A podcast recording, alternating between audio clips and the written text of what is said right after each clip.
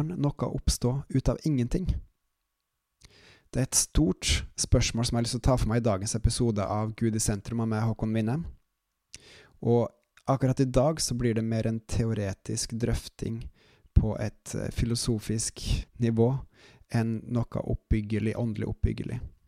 Og det jeg skal snakke om i dag, det er finstillingsargumentet, som tar for seg at det rett og slett er mer sannsynlig at det er en kraft som er satt i gang i universet, enn at det er kun tilfeldig at vi lever i et univers som det er mulig å leve i.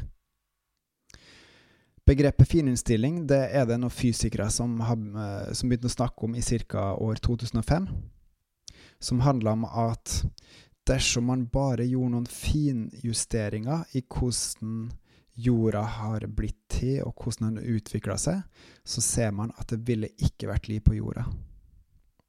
Man har via datateknologi kjørt en del simuleringer på hvordan jorda ville utvikle seg hvis man har variert noen krafter eller noen eh, endringer på ulike aspekter på hvordan jorda utvikler seg naturvitenskapelig. Og man har funnet ut at det finnes veldig, veldig mange forskjellige varianter men det er så si ingen av de hvor det er eh, Det er veldig få av de som har, gir en, et univers som gir liv, som har liv. Så for eksempel så har man The Big Bang.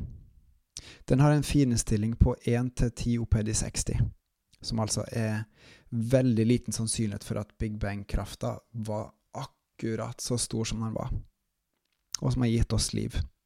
Hvis den hadde vært svakere, så ville tyngdekrafta kommet i tillegg og gjort det sånn at den bare ville ha trukket seg sammen, og man ville sannsynligvis bare fått et svart hull. Hadde krafta i The Big Bang vært bare bitte, bitte, bitte litt større, så ville partiklene blitt for spredt til at tyngdekrafta ville ha fått eh, klart å trekke de sammen, sånn at vi ville ha fått det som etter hvert ble jorda. Og tyngdekrafta, den er faktisk akkurat passe svak slash sterk nok til at vi trenger nesten en hel jordklode for å holde oss på jorda sånn som vi gjør, på den måten vi gjør. Så hele tida er det snakk om en sånn fin innstilling. Hadde vi bare hatt litt mindre eller litt mer av en av disse, så ville vi ikke hatt liv på jorda, bare innenfor én av de. Og videre så har man noe som heter kosmologisk konstant, som altså er noe som får universet til å akselerere i utviklinga. Og den er faktisk lavere enn forventa, men den er akkurat eh, så stor som det trengs for at det skal være liv på jorda. Og man har også noe som heter entropi. Eh, og man snakket, eh, det man har fokus på, er entropien i starten. Det går altså på hvor stort kaos det er i universet. For det øker. Kaoset øker, og det blir mer og mer av kaoset. Og hvor høy lav var den ved begynnelsen av når jorda starta? Eh, naturvitenskapen beregner jo nå at eh, jorda sannsynligvis har en eh, alder på 13,7 milliarder. Og dersom den var veldig høy i starten, da ville det vært et mye større kaos nå. Mens eh, for å ha akkurat den passe mengden orden som er nå, da må den entropien ha vært lav i begynnelsen. Og det er en veldig lav odds for at entropien skulle vært akkurat så lav som den var, for at det skulle bli akkurat sånn som det er nå, som gir oss liv, mulighet for liv. Og Et eksempel kan være her at den verden vi ser rundt oss, den opptrer veldig ordentlig, og vi har en orden på det, vi klarer å sette ord på mye av det fysiske.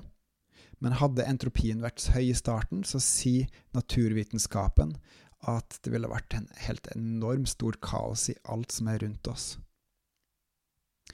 Så fininnstillinga handler rett og slett om at det er veldig rart at universet skal bare være tilfeldigvis slik som det er, når oddsen er så lav for at det faktisk at universet utvikler seg slik at det er mulig for liv på jorda. Det kan jo ikke bare være flaks. Og det kan faktisk eh, på, til dels da, eh, sammenlignes med det å vinne i Lotto. Sjansen for å vinne i Lotto sies å være at du setter deg på toget fra Bergen til Oslo og sitter med en ball i hånda. Og langs den løypa, du vet ikke hvor, så står det en bøtte som du skal treffe oppi. Du får bind foran øynene, og så skal du velge et tidspunkt hvor du skal kaste ballen.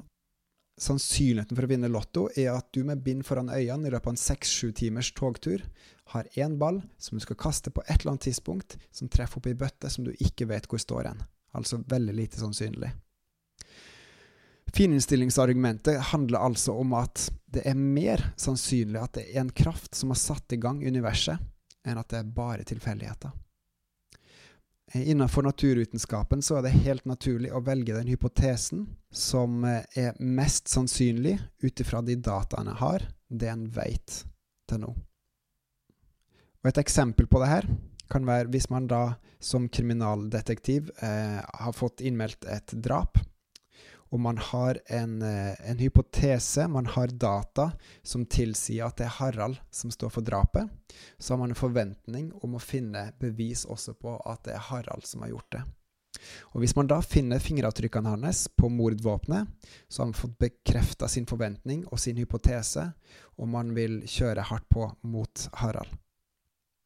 Dersom man ikke har noe data som tilsier at det skulle være den ene eller andre personen, så har man heller ikke en, ingen hypotese eller ingen forventning om hvem morderen er. Og finner man da et eh, mordvåpen med fingeravtrykk på, så man, kan man ikke konkludere ut ifra det. Men vi har jo indisier, no, noe som tilsier at det kan være sannsynlig. Men det kan også være andre ting som gjør at det er litt tilfeldig at de fingeravtrykkene er der. Og på samme måte med finstillingsargumentet i forhold til universets eksistens, så taler det for Guds eksistens. At det har vært en kraft, at det har vært en Gud, som har eh, skapt, satt i gang jorda, universet, sånn at det er mulig med liv her. Fordi at det er rett og slett usannsynlig at alt er bare en tilfeldighet. Ja, tilfeldigheter kan skje, men det er ganske mye mer sannsynlig at det har vært en kraft, enn at det bare er en tilfeldighet. Og Derfor så er det jo også sånn at de aller fleste forskere nå per dags dato tenker at det må ha vært en begynnende kraft som har satt i gang universet. For ting kan ikke bare oppstå ut av ingenting av seg sjøl. Litt komisk kan du trekke fram Johannes 3, 16, for der står det For så heter Gud elska verden, at han ga sin sønn den eneste, på grunnskrifta så står det faktisk ikke verden, men kaos. For så høyt elska Gud kaoset, at han ga sin sønn den eneste for at hver den som tror på han, ikke skal gå fortapt, men ha evig liv. Uansett hvor gammel denne jorda er, så taler fininnstillingsargumentet for at det er en gud, det er en kraft som har satt i gang dette universet.